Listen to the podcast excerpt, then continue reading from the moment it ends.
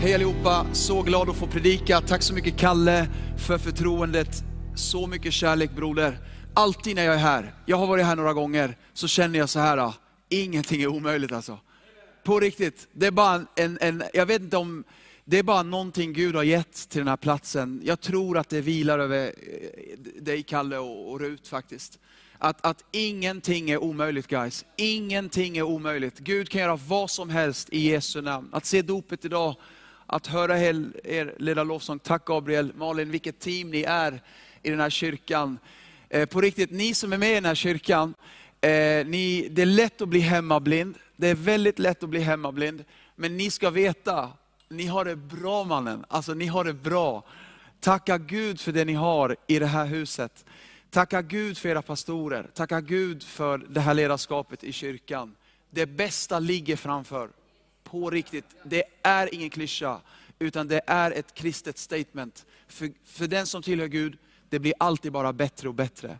I Jesu namn. Hej, det ska bli ett nöje att få predika. Eh, jag ber till Gud att Guds nåd ska bli större för oss allihopa. Eh, för mig personligen, men för oss allihopa. Jag har så pass mycket tro på Gud, att jag tror till och med den här predikan kan vara en liten så här sådd man sår, men som kommer ge effekt i hela Sverige i Jesu namn. Alltså. Eh, hoppas det ger stor effekt i ditt liv, men mycket handlar om om vi lutar oss in, liksom, om vi liksom ger vårt öra till Gud. Och det står så här i Bibeln, den som har öron ska höra vad anden säger. Så jag tror inte Bibelns text, alltså författare talar till så här, folk som saknade öron, liksom. hade inga öron. Så här. Den som har öron, aha, aha, vi alltså. Alltså det handlar om en andlig hörsel. Så, så bara öppna din andliga hörsel och försök att höra vad Gud säger. Så predikan heter så här, ge nåden en chans. Ge nåden en eh, chans. Eh, om det var någon som verkligen förstod Guds nåd, eh, eller hade ljus över ämnet, jag skulle nog säga att det var Paulus. Paulus hade verkligen förstått Guds nåd. Det står att han kallar sig själv för den störste bland syndare. Han började som den störste bland syndare. Han sa så här, Jesus kom för att frälsa syndare och bland dem var jag den störste. Alltså jag blir bara så här, tänk att han skriver så. Jag var den största syndaren. Men sen så slutar han, som engelskan säger, the chief among the apostles, alltså den största bland apostlar. Jag menar, hur kan du gå från den värsta syndaren, svartbälte i synd, till den största bland apostlar? Det stavas bara ett ord, det är nåd. Nåd. Hur kan du gå från den smutsigaste, äckligaste, till det redskap Gud använder mest, nåd. Nåd. Har ni någon gång sett en sköldpadda på en stolpe, långt upp på en stolpe? Har du sett det någon gång? Det, det, ibland så man, det kan hända att man åker förbi, så ser man någon, så här, någon, någon har skojat och lagt så här en, en, en sköldpadda längst upp på en stolpe. Typ så här. Om du har sett det så ska du veta så här i alla fall. Den har inte kommit dit själv. Någon har lagt den där. Okej? Det här skulle man kunna säga är definitionen av ordet nåd. Alltså du ser en person som har sitt liv ordnat. Du ser att de liksom ber i tungotal och de har värsta kristendomen i sitt hjärta. Förstår du vad jag menar? Alltså de är så här fett kristna liksom. De läser Bibeln och såna här grejer. De ser ut att vara jätteheliga och så här vattenkammade, typ nydöpta, allting. Hej, jag vill bara säga, namnet skrivet i Livets bok och jag vet inte vad. Så här, eh, eh, jag vill bara säga en sak till dig. De har inte kommit dit själva. Någon har plockat upp dem dit och det är det som är nåden. Det är det Gud gör med oss. Han plockar upp oss i vårt elände. Vi kan inte resa oss, vi kan inte liksom fixa vårt liv. Men Gud han fixar vårt liv. Vi kommer som vi är och vi går som vi blir. Det vi har fått av Gud i Jesus är en gåva av nåd. Det tar oss till en plats, en position vi inte kan komma till i egen kraft. Vi, vi, vi tenderar, vet du vad jag märker? Ju längre jag är kristen, jag, jag, jag, jag tenderar att behöva påminna mig ännu mer om nåden. Det är som att det som en gång eh, liksom frälste mig, den där nåden, den får jag kämpa med ju längre jag blir kristen. Så här, att försöka komma ihåg att jag börjar tro igen att det handlar om mina gärningar, men det handlar aldrig om mina gärningar. Det handlar bara om hans nåd. Lite nu och då behöver vi påminna oss om att, vi, att Jesus har valt oss. Att Jesus har valt oss. Vi har inte valt honom, han har valt oss. Lite nu och då behöver vi, någonting skaka om oss, påminna oss att det var nåden som frälste oss. Inte av oss själva. Guds gåva är det.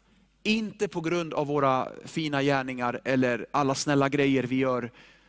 Varför, varför är det på det sättet? För att ingen ska kunna berömma sig. Ingen ska kunna berömma sig, utan det var bara, bara Guds nåd. Ehm, det som bestämmer vad någonting kostar, det är hur mycket folk vill ha det. Alltså typ, min dotter hon vill ha en ny iPhone. Alltså jag, jag, alltså jag blir så arg att de är så dyra. De, varför är de så dyra? Vet du varför de är så dyra? För att efterfrågan är så hög. Det är därför. Alltså efterfrågan styr vad någonting kostar. Det är därför grejer kostar det de kostar. Okej, okay. så tänk så här nu. När Gud ville köpa människan, så visste han som skulle sälja människan hur mycket Gud ville ha oss. Han visste. Du vet, ju mer, ju mer kunden vill ha en produkt, desto mer höjs priset. Och Gud var villig att ge sin egen son för dig och mig. Det högsta pris som någonsin har betalats för någon var för dig och mig. Och det var att Jesus Kristus gav sitt liv på korset för dig och mig. Jag vet inte om någon råkar heta Reijo, jag såg i chatten någon Reijo skrev. Reijo, Linda, eller någon hette Amanda, Reza. Eh, någon från UK tittar tydligen. Hi to you my friend from UK. Rejos värde, UKs värde, eller vad du hette, eh, Amandas värde, Tiglets värde, Rezas värde. Vet du vad det var? Det var att hans enda sons blod skulle utgjutas på korset. Och om du någon gång undrar hur mycket Gud älskar dig, så är faktiskt korset svaret på det. Korset svarar på hur mycket Gud, om du någon gång undrar hur, undrar hur mycket Gud älskar mig, well, Jesus kors är svaret på den frågan. Du har ett högt värde för Gud. Gud utan att blinka skulle ge hela Egypten i ditt ställe. Han skulle lätt ge hela Nubien, Nubien det är ett ännu större område. Eh, han skulle ge Norge i ditt ställe. Han skulle ge hela, hela Sverige i ditt ställe. Han skulle ge bort ett land för dig. Varför? För att du är dyrbar i hans ögon, du är högt älskad, du är aktad i hans ögon. Jesaja 43. Titus 2 säger också så här, kolla. Nåden undervisar oss. Ty Guds nåd har uppenbarats till människor, till frälsning för alla människor. Guds nåd har uppenbarats. Nåden undervisar oss. Titus kapitel 2. Nåden är en lärare. Den fostrar, den lär. Nåden är en lärare. Nåden är, det, vet, du, vet du vad jag tänker? Jag tänker så här, om jag verkligen får tag på Guds nåd, då slutar jag säga, jag kan göra vad jag vill för Guds nåd förlåter mig ändå. Nåden lär dig, det är fel bild av nåden. Nåden är en lärare, det är som en uppfostrare. Den lär mig, den fostrar mig till att säga nej. Till ogudaktighet, till världslig lusta, till begär, till att leva anständigt, rättfärdigt och gudfruktigt. Nåden den lär mig, den fostrar mig. Det finns vissa saker jag inte gör längre för att nåden förbjuder mig. Nåden är en lärare. Nåden, Bibeln talar om en ande av nåd. Och vet du, jag ber till Gud, på riktigt alltså, jag bad innan här, att en ande av nåd ska komma över oss. Bibeln talar om överflödande nåd. Eh, Bibeln talar om att det finns kraft att hämta i nåden. Du vet när du är trött och inte orkar, då kan Gud ge dig kraft att orka. Eh, Gud ropar hans nåd över oss. Han säger att hans nåd aldrig tar slut. Den är ny varje morgon. Varje dag när du går upp och solen går upp, då vet du att nåden är ny. Det var som min kusin en gång, vi står utanför ortodoxa kyrkan, vi ska ta nattvard. Jag bara, jalla och vi går och tar nattvard. Han säger, oh, hela hans blod räcker inte för alla mina synder, sa han. Jag bara, Kaj, vad tänker du om nåden liksom? Eh, och, och, och, och då, då, då, är det som att den tar slut, den tar aldrig slut. Varje gång du vaknar är den ny. Det, det är en helt hisnande tanke. Varje dag du vaknar är Guds nåd ny. Kungariken kommer falla, människor kommer vissna, Rikedomar kommer gå, beröm kommer nå sitt slut, men det finns en sak som kommer bestå och den är för evig och det är hans nåd. Bibeln talar om tillräcklig nåd. Gud sa till Paulus, min nåd den räcker för dig. Paulus säger tre gånger till Gud, snälla Gud, ta bort den här satans ängel som slår mig i, i hela tiden. Ta bort den här attacken, ta bort den här töntaggen. Det är som en tagg i min kött. Jag, jag plågas svårt av den här satans ängel som plågar mig. Men tre gånger säger Gud till honom, min nåd räcker för dig. Min nåd är nog för dig, den räcker för dig. Jag tar inte bort den här prövningen eh, i ditt liv Paulus, vet du varför? För jag håller på att fostra dig, jag håller på att fostra, jag håller på att forma dig. För att vet du, om inte press fanns, skulle inte heller diamanter och pärlor finnas.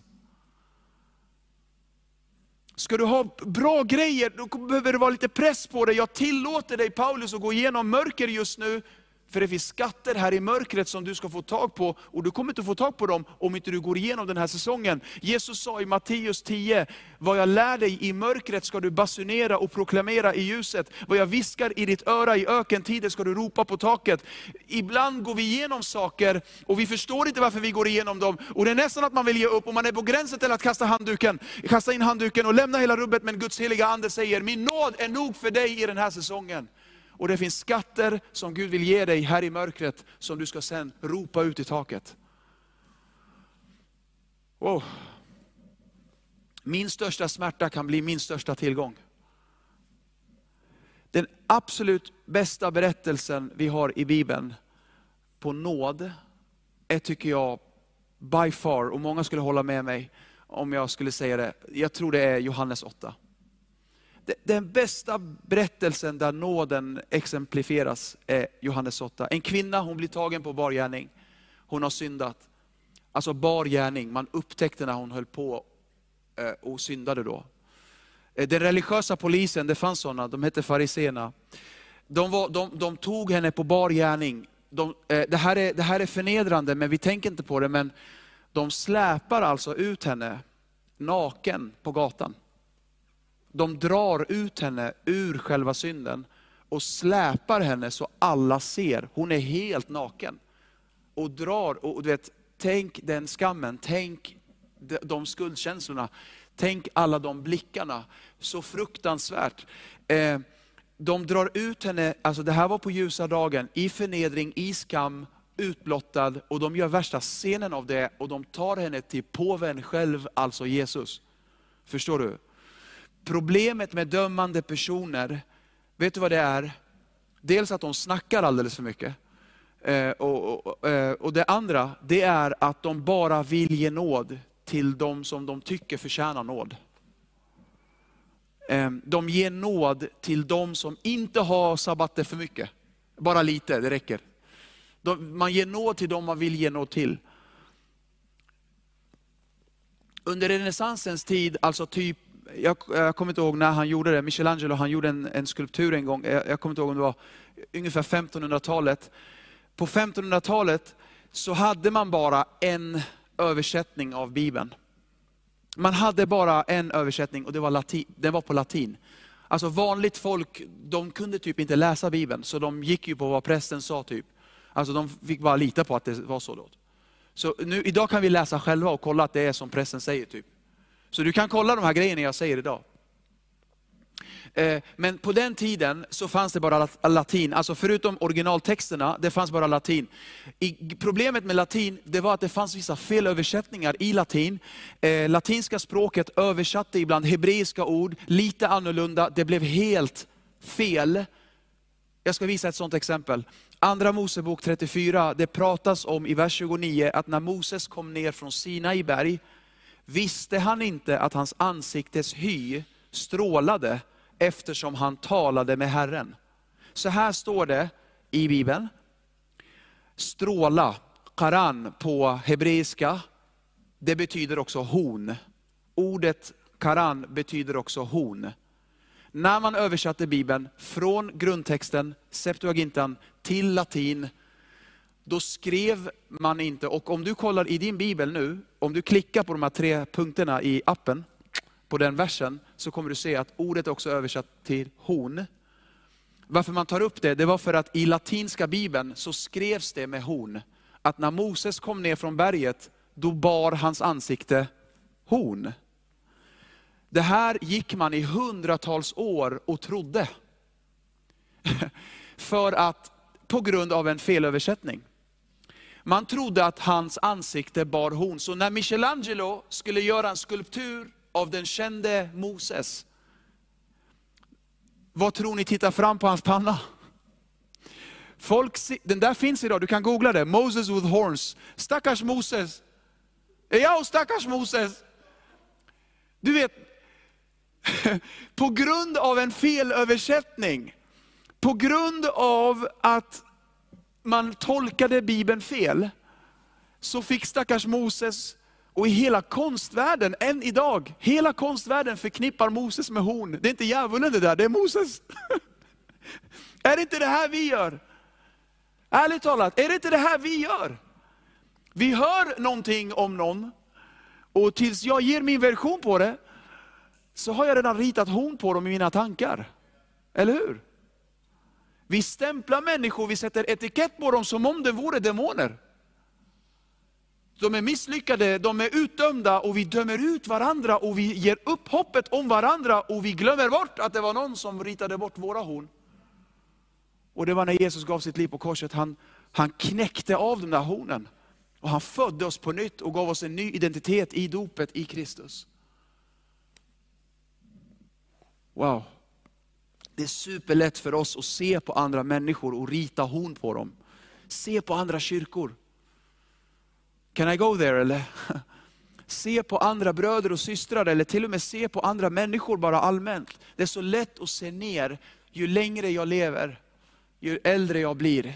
Ärligt talat, desto mer inser jag bara, alltså hur mycket jag själv behöver nåd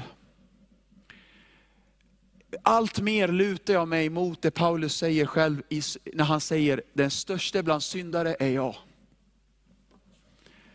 Ju mer nåden blir uppenbarad för en, desto mer känner man bara, min gode Gud, vad stor min synd var. Vad stor din nåd är. Hey guys, låt oss sluta rita horn på varandra. Låt oss sluta eh, eh, eh måla eh, såhär, eh, demoner. På, såhär, du vet, man, gjorde det i, man tog såhär, bilder på eh, katalogen i skolan, man ritade horn på varandra. Nej, jag vet inte om ni har gjort de här grejerna. Men, ja, ja. men ju längre jag lever, desto mer hinner jag erfara och jag slu, man slutar döma. Alltså. För man vet att man själv behöver nåd. De här fariseerna, Johannes 8, de säger så här, Moses lag säger att hon ska stenas. Hon ska stenas. I tusentals år levde man under lag. Under den tiden levde man under lagen. De laglärda hade faktiskt rätt i det de sa. Hon gjorde fel. Så då, egentligen de hade rätt i det de sa. Så, så nu, nu, nu kommer de till Jesus och så säger de, eh, ska du påstå att du är Gud? Eh, så här säger skriften, vad säger du? Och vart står det i Bibeln? Jo, det står i Hesekiel kapitel 20, vers 10, att, att, att den som syndar skall dö. Att syndens, det står till och med i Nya Testamentet att syndens lön är döden. Det är ganska tufft alltså. Så de hade ju rätt, och nu säger de, ah, Jesus vad säger du? Och här gör Jesus någonting jättestort. Här gör Jesus, han exemplifierar Guds nåd. I den tidpunkten, i den stunden, satte typ Jesus punkt vid lagens tidsålder, och han inledde en ny tidsålder och den heter nådens tidsålder. Han, han kliver in, alltså de kommer till Jesus, de kommer till Jesus.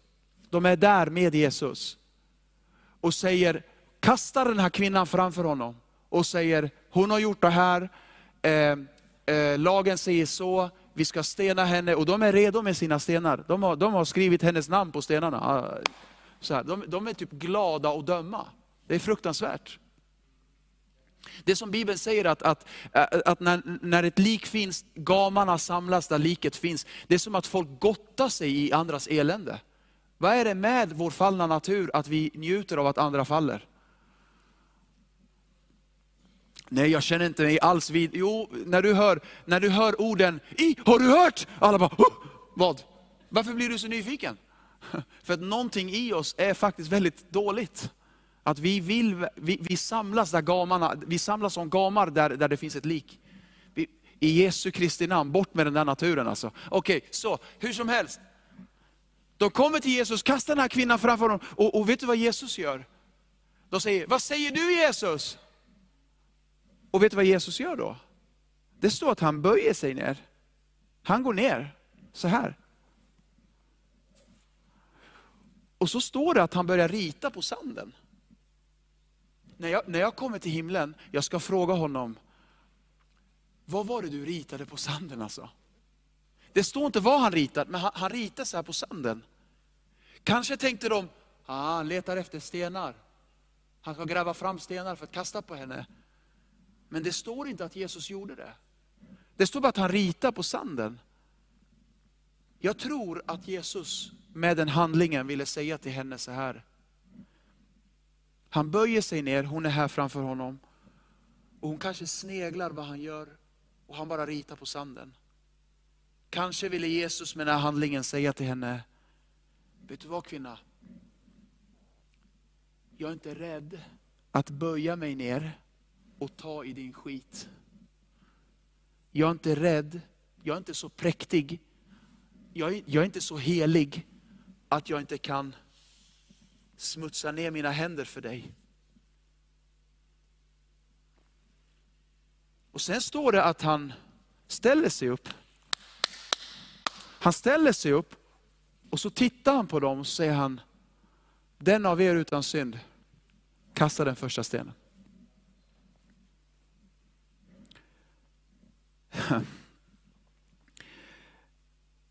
Den av er utan synd, kasta den första stenen. Och det står i Bibeln att en efter en släppte sina stenar, för alla visste att alla har vi syndat och gått miste om härligheten ifrån Gud. Vem är jag att döma? Den enda som kunde döma var han själv, för han var den enda utan synd. Men han valde att inte döma. Hur kunde Gud göra det? Hur kunde Jesus göra det? Jo, för att han visste att om bara några dagar så kommer de där stenarna som skulle ha kastats på dig, kastas på mig på korset. Han tog hennes stenar och därför kunde han säga det han sa. Den av er utan synd kastade den första stenen. Han som var syndfri, den enda som kunde döma, dömde inte utan han frikände för att själv ta domen. My God. My God. Johannes 8.8. Alltså snälla se det här med mig, snälla se det här med mig. Jag såg det här bara nyligen och jag, blev, jag grät, jag, jag trodde att det var sant. Jag bara, alltså, har du någon gång läst Bibeln och börjat gråta? Jag läste så här, Johannes 8.8, jag, jag har aldrig sett det här.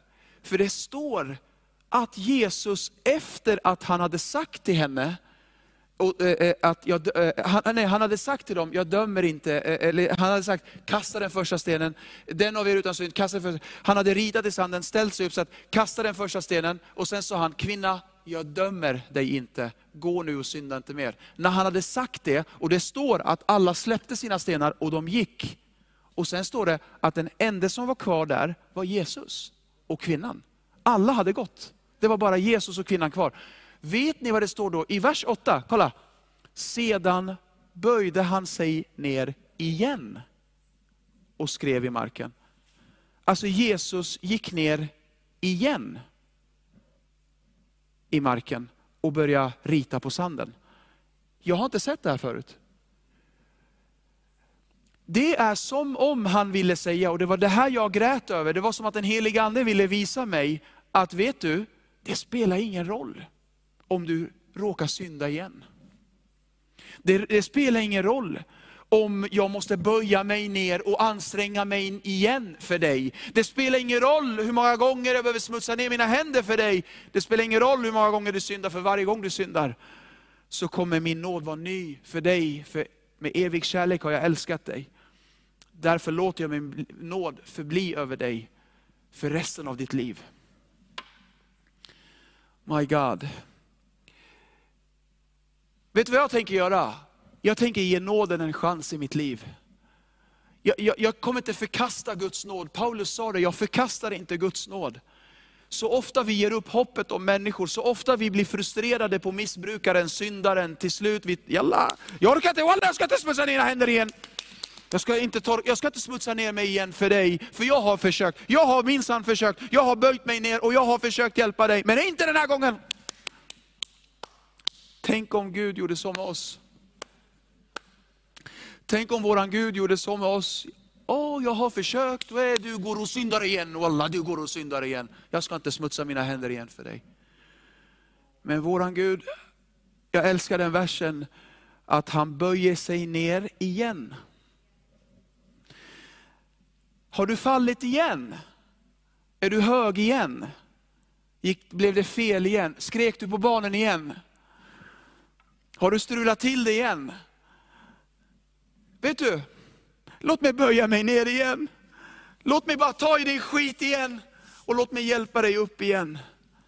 För så länge du lever är min nåd ny över ditt liv. Jag kommer aldrig ge upp om dig. Jag kommer aldrig ge upp om dig. Jag ska smutsa mig igen och igen och igen och jag är inte så präktig Gud att jag inte kan smutsa mig igen för dig.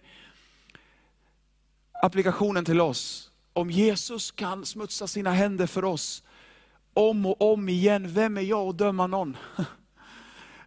Vem är jag att sparka på den som ligger? Vem är jag, vem, vem, vem är jag att liksom döma ut? Vem är jag? Noas söner, en går in och ser sin farsa stupfull, säger, kolla pappa han är full! Medan de andra sönerna, de ser pappa full, de går in baklänges för att täcka sin pappa. Och det står i Bibeln att mycket kärlek överskyler mycket synder. Jag vill vara som de där två grabbarna som backade in och täckte farsans elände, än den där som skrek, kolla Aftonbladet kom! Jag hörde om en pastor högt, äh, äh, i en väldigt stor kyrka, en högt uppsatt prostituerad kvinna kom till hans kyrka. Hon var buddhist och eh, eh, hennes man var gömd för, alltså han gömde sig för FBI. Eh, den här kvinnan hon kommer fram på förbön en gång i kyrkan. Hon vill bli frälst, hon har tårfyllda ögon och hon vill ta emot Jesus Kristus som frälsare. Den här pastorn han berättar att den här kvinnan han har framför sig, hon är alltså en högt uppsatt, liksom, alltså en, eh, en prostituerad kvinna som, som många kända personer känner till. och, sådär och, eh, och Han har henne framför sig och här är hon och vill ta emot Jesus och få sitt liv förvandlat. Och, och, och då säger han till henne, när han ber för henne, han säger så här till henne, nu kommer Jesus fullkomligt rena dig från alla dina synder och tårarna bara rinner ner för hennes ögon. Och hon säger så här, jag är den smutsigaste Jesus någonsin har rört vid. Och pastorns respons var så bra, han sa, han är den bästa du någonsin har haft. När himlen möter helvetets värsta, vet du vem som vinner? Himlen vinner. Hon döps i vatten och, och, när hon kommer upp ur vattnet så säger hon, så här ren har jag aldrig känt mig. Pastorn berättade senare att hon var ju buddhist, så hon hade mycket buddha-statyer i sitt hem. Eh, och hon hade massa sånt skit som tillhörde den religionen, smycken, gudar och grejer. Så hon ringde pastorn en dag och sa helt hispig efter att ha gått en kristendomskurs. Hon sa, snälla pastor, kom hem till mig. Jag har nu läst i Bibeln att, att Josua sa att man skulle riva ner eh, avgudastatyer eh, i, i sin fars hus. Och hon, jag tänkte så här nu, kan inte ni komma ett gäng från kyrkan, så slår vi sönder lite buddha-statyer. Liksom. Och, och, och, så säger han, I will gladly come over, säger han. Och han tar med sig sitt pastorsteam. Nu ska vi hem till den här systern och vi ska ha ett spö upp Buddha-party. så de hade sina baseballrack och de gick och köpte baseballrack och de slog sönder och de sa, så här kul har jag aldrig haft i mitt liv. De brände upp så böcker och grejer och de hade bål för Jesus och de bara prisade Gud och grillade korv på grejerna. Och hon som sa, jag är den värsta Jesus har rört vid, sa nu, jag har aldrig känt mig så ren, hur är det möjligt? Nåd. Nåd. Ta emot Guds nåd idag, förkasta inte Guds nåd idag. Ge nåden en chans idag. Var inte rädd att få händerna smutsade var en kyrka som är redo att kavla upp armarna för andra människor, för syndaren, kanske någon i din närhet, kanske någon på jobbet, kanske någon som står nära dig, kanske någon som behöver lite mycket nåd just nu. Älska dem bara mer. Låt oss älska folk in i Guds rike sa. Det finns en man, Bibeln kallar för mannen efter eh, Guds eget hjärta. Eh, det står om honom i Bibeln, han, han heter David. David var en man efter Guds eget hjärta. Han älskar Gud, han vigde hela sitt liv till Gud. David han är kung över Israel, han sitter på tronen. Bibeln säger att han började tänka på Saul. Saul var hans svärfar. Saul var kungen före honom. Saul hatade David. Eh, Saul ville döda David, eh, Saul förföljde David. Han, I tio års tid faktiskt, så gjorde Saul allt i sin makt för att döda eh, David. Då. Det var hemskt. Och David säger nu så här, du vet han har värsta fienden, du vet värsta, tänk dig så här, du har värsta elaka grannen, i tio år letar fel på dig och klagar och ringer kommunen och klagar på din staket och jag vet inte vad. I tio år, i tio år, så här bara plågar, och inte bara det, försöker döda, lägga gift i maten och grejer. Och så här. Helt hemskt. Och nu säger David, när, när Saul hade dött, liksom, då säger David, och då kan, man, då kan vi säga, wow vilket hjärta du har för Gud. När du vet att någon har hatat dig och försökt döda dig i tio år och ändå säger så här, hur kan jag visa godhet mot min fiende Saul? Hur kan jag visa godhet? Vad snackar du om visa godhet? Hur kan jag visa ondhet? Hur kan jag visa godhet? Jag tror vi ska ha eh, ett tårtkalas att han har dött nu. Nej, hur kan jag visa godhet? Du vet att du har ett hjärta för Gud alltså. Om du tänker gott om dina fiender, är du med? Och vet du, då får David reda på att eh, Saul har ett barnbarn som fortfarande lever, den enda äh, säga, släktingen kvar. Liksom. Och det här barnbarnet hette Mefiboset. Mefiboset var den enda som fanns kvar av, av Sauls liksom, släkt eller avkomma. Gibeoniterna hade dödat alla hans barn, söner. Allt var utplånat. Allt som hade med Saul att göra försvann. Mefiboset, han hade räddats, alltså barnflickan hade räddat honom, men han hade skadats längs vägen. Han var halt i båda fötterna står det. Han var handikappad, han var förlamad, han var smutsig, han var ovårdad. Han hade hållits gömd för att Mefiboset trodde att David ville döda honom. Mefiboset trodde, alltså barnflickan rymde för att hon trodde att David kommer döda oss. Men hon visste inte att David var full av nåd. Jag, jag tror somliga tänker om Gud, om Gud får bara händerna på mig, han kommer döma mig. Men det är fel bild av Gud. Den Gud du kommer möta är full av nåd.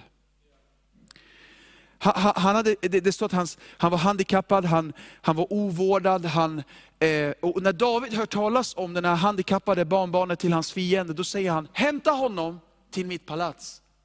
Hämta honom till mitt palats, ge honom fräscha kläder, ge honom en plats vid mitt bord. Helt otroligt. Okej, okay, nu den här grejen, jag tänker, okej okay, det är ingen big deal, men du ska bara veta vem som sitter vid kungens bord. Vi hade Absalom, Absalom, det står i Bibeln om honom, att eh, han var så snygg. Eh, alltså om du tänker dig Fabio, långt vågigt hår så här. Vacker, brunbränd, värsta, inte ett hårstrå på kroppen, ja, han gav oss allihopa. Okej, okay, ja, ja, okay. Alltså han var så här, värsta, värsta, värsta, värsta killen. Det står i Bibeln att från fötterna till hans huvud fanns det inget fel på honom. Han måste ha sett ut som Gud själv. Alltså. Det är så här, eh, långt, vågigt hår. Han gjorde så här, du vet alla banat de gick, oh, mamma, mamma, mamma mia. Så här. Han var så snygg, du vet. Eh, han såg ut som en filmstjärna. Eh, han sitter vid kungens bord, han var kungens son. Tänk dig att sitta bredvid en sån kille, alltså. man får ju dåligt samvete direkt. Okej. Okay. Nästa, eh, mitt emot honom sitter Tamar. Tamar, hon var så oerhört vacker. Hon var så tilldragande att tragiskt nog så blev hon våldtagen av sin egen halvbror Ammon. Det är en fruktansvärt tråkig historia. Men hon, var så, hon hade en ovanlig skönhet, att, eh, otroligt tilldragande vacker tjej. I samma bord sitter Salomo. Salomo, han var den smartaste, skarpaste hjärnan i hela Israel. Alltså.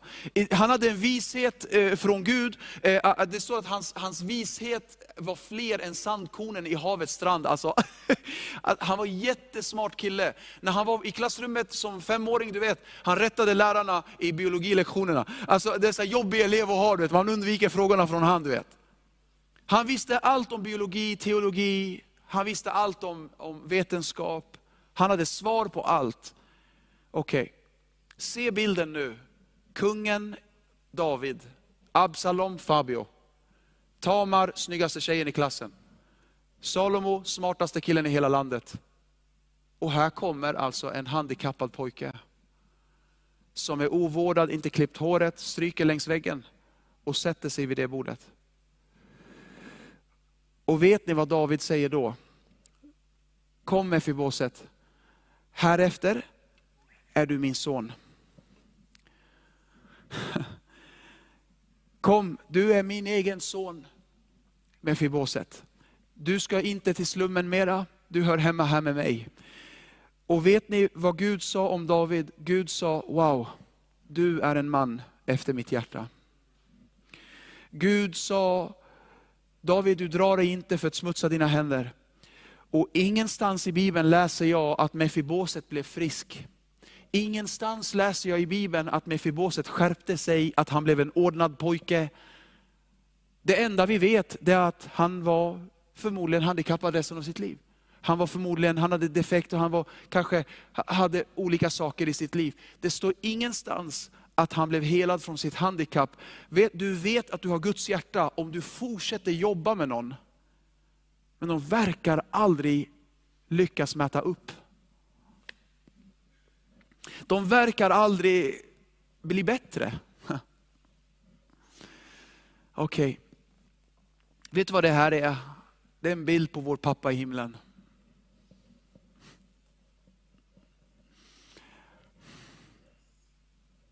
Vi gör bort oss och det är och igen och igen och igen. Och Gud ger aldrig upp. Jag bryr mig inte vad du har gjort. Snälla hör vad jag säger. Den här kyrkan bryr sig inte vad du har gjort. Vad som har hänt, hur ditt liv ser ut. Oavsett storleken på synd eller smuts. Vet du, här inne, det finns eh, fett snygga människor. Medlemmar, åh, värsta kan bibel. Du vet, de ska be en bön, de citerar 45 bibelord. Åh, känner mig redan underlägsen direkt. De ska be så vackra, vackra böner, så kommer jag och ska be, I, I, I, eh, tack Jesus, I believe I can fly, amen. Eh, alltså du vet, man kan ingenting du vet. Passar jag ens här? Passar jag i den här kyrkan ens? Passar jag bland alla fina människor? Massa snyggingar. Men grejen är, du vet inte hur de såg ut när Gud fann dem. De var lika eländiga de. Kolla på pastorn, ah, han är så snygg, han är så bra. Han ser ut att ha visdom. Kolla på mig. Åh, oh, han verkar kunna det här. Om du bara visste var jag kommer ifrån. Jag har ingen Eh, hur ska jag säga, det är bara nåd att jag står här. Jag fattar inte, ibland min pappa säger till mig, tänk att du hamnade där. Jag, jag, bara, jag vet, det är helt chock, alltså, jag är chockad själv. Du som var som du var, Tiglet, Habibi, och nu är du där du är. Till och med min pappa har fattat Guds nåd. Förstår du vad jag menar? Det är helt otroligt. Jag borde suttit inne, jag borde, jag borde ha, men jag är här. Fake it till you make it. Nej. Nåd. Nåd. Det är inga perfekta människor här. Det finns en plats vid kungens bord för dig. Don't hesitate. Tveka inte och ge ditt liv till Gud. Han letar faktiskt efter dig. Precis som David finns det någon kvar som jag kan visa godhet mot. Ja, det finns en faktiskt. Och han, han, när, han, när han hämtade sig David, han tänkte, nu kommer han döda mig, nu kommer han döda mig. För det var den bilden han hade av David, att han var en hård kung. Men han kommer in i rummet, han får nåd. Oj, får jag nåd? Det är precis vad du kommer få. Gud är inte arg. Han är inte besviken. Han vet skiten. Men han är inte rädd att smutsa sina händer för dig. Han gör det med glädje faktiskt. Ta emot honom. Be med mig. Säg till Jesus, förlåt mina synder Herre. Bara säg det. Säg det efter mig så här. Tack Jesus, att du älskar mig. Tack för din nåd. Jag tänker ge nåd en chans. Gör mig ren. Gör mig ren Jesus. Föd mig på nytt. Jag vill följa dig. Från och med nu är jag din. Jag är, din, jag är din kille, jag, jag är din tjej, jag, jag, är din, jag är ditt barn. Jag vill följa dig Jesus. Tack för din nåd. Tack för din upprättelse. Jag tror, jag tar emot. I Jesu namn. Amen. Om du bad med mig nu, då har Gud hört den bönen. Och den bönen har gått upp till himlen. Och himlen kommer inte vara tyst. Gud välsigne dig. Och please, hör av dig. Hör av dig till oss. Vi ska sjunga en sång nu. Vi ska låta det här landa. Och vi ska prisa högt hans namn. Och tacka honom för hans nåd. Och vet du vad du ska också göra? Förutom att du ska höra av dig att du vill gå med Gud, att du vill bli kristen och så här, kanske döpa dig. Säga som den där kvinnan, att, att jag är nog den värsta Jesus har rört vid till att säga, så här ren har jag aldrig känt mig. Det är nåd. Men jag vill säga till dig också, um, som ser det här, om du inte är med, bor i Eskilstuna och så här, hör av dig ändå. Så kanske kan den här kyrkan hjälpa dig vidare till en annan kyrka. Hör av dig, det viktiga är att du hör av dig, att du, att du hjälper oss att komma i kontakt med dig. Kanske också nu när vi sjunger, att det kommer ploppa upp ett och annat ansikte för dig, som du ska bara ge en chans till igen. Kanske ditt barn, kanske ett samtal som ska göras. Jag vet inte. Kanske lite försoning som ska ske. Jag vet inte. Men fråga Gud. Kanske är det någon du ska bara försonas med. Kanske du ska bara ge en chans igen.